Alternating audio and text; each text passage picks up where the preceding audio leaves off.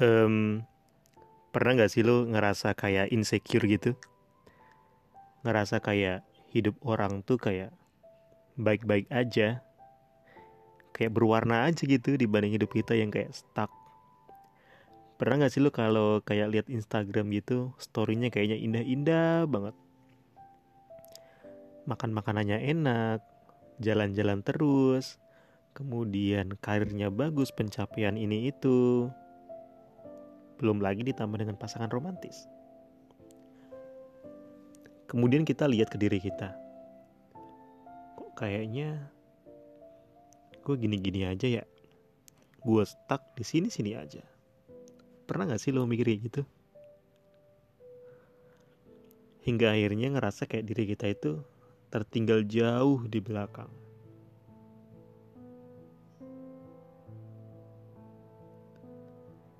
Ya, namanya juga hidup.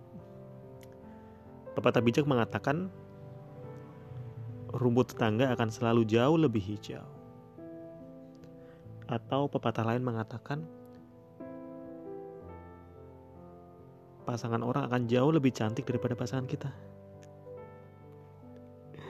tapi enggak gini um, sebenarnya sih reflect ke diri lo sendiri lah gue kalau misalnya dulu sih gue masih ngerasa gitu masih kayak kok gue gini-gini aja gue kayak jalan di tempat pencapaian gue kayaknya jauh banget dibanding sama orang-orang yang ada di sosmed sana.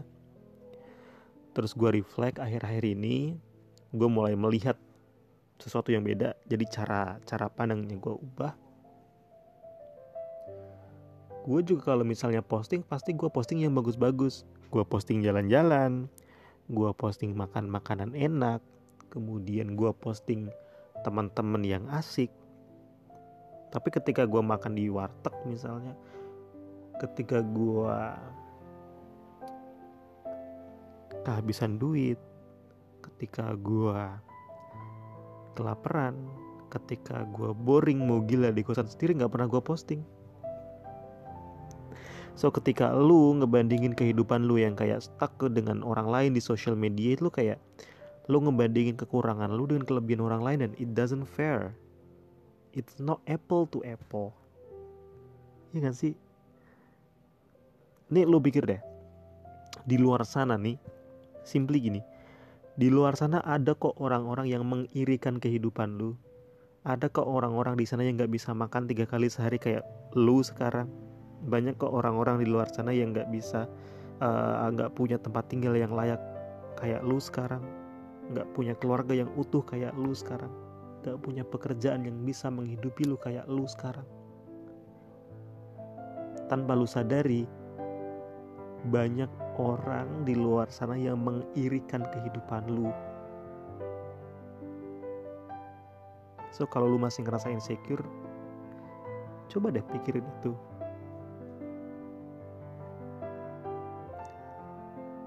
coba lu pikirin hidup lu itu worth it buat lu banggain. Dan mulailah uh, dari situ kalau gue pribadi gue kayak gue mulai jujur sama diri sendiri gue mulai menerima keadaan diri gue sendiri gue mulai kayak berdamai dengan jiwa gue sendiri. Yang pada akhirnya gue ngerasa ringan banget semua orang punya problem semua orang punya beban. Tapi semua orang juga punya um, apa namanya kebahagiaan. Orang-orang yang lu lihat sosial media yang mungkin fine fine aja. Orang-orang yang lu lihat di tempat kerja lu mungkin yang dia selalu cheer up selalu bahagia. Percaya deh ketika dia pulang akan ada masalah yang menunggu dia hadapi. Ketika dia di rumah akan ada persoalan yang harus mereka selesaikan So stop comparing yourself to other. I'm stop comparing myself to other. Karena gue percaya setiap orang punya timeline-nya masing-masing nih. Simple, percaya deh. Ada kok orang yang merit di umur 4, uh, 40 bukan 40. Ada orang yang merit di umur 24 tahun. Kemudian cerai di umur 30 tahun. Tapi ada juga yang menikah di umur 30 tahun dan hidup bahagia sampai 80 tahun as a simple that as a simple. Kalian punya kepala yang berbeda kalian punya pemikiran yang berbeda dan kalian punya timeline yang berbeda. So you are in game with your time. You are not in game with other people time. Sama-sama belajar ayo. Sama-sama um, take care sama diri sendiri. Utamain diri lu sendiri.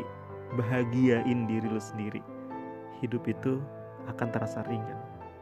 Ingat masih banyak tempat yang perlu lo kunjungin masih banyak pencapaian yang mesti lo kejar masih banyak mimpi-mimpi yang mesti lo wujudin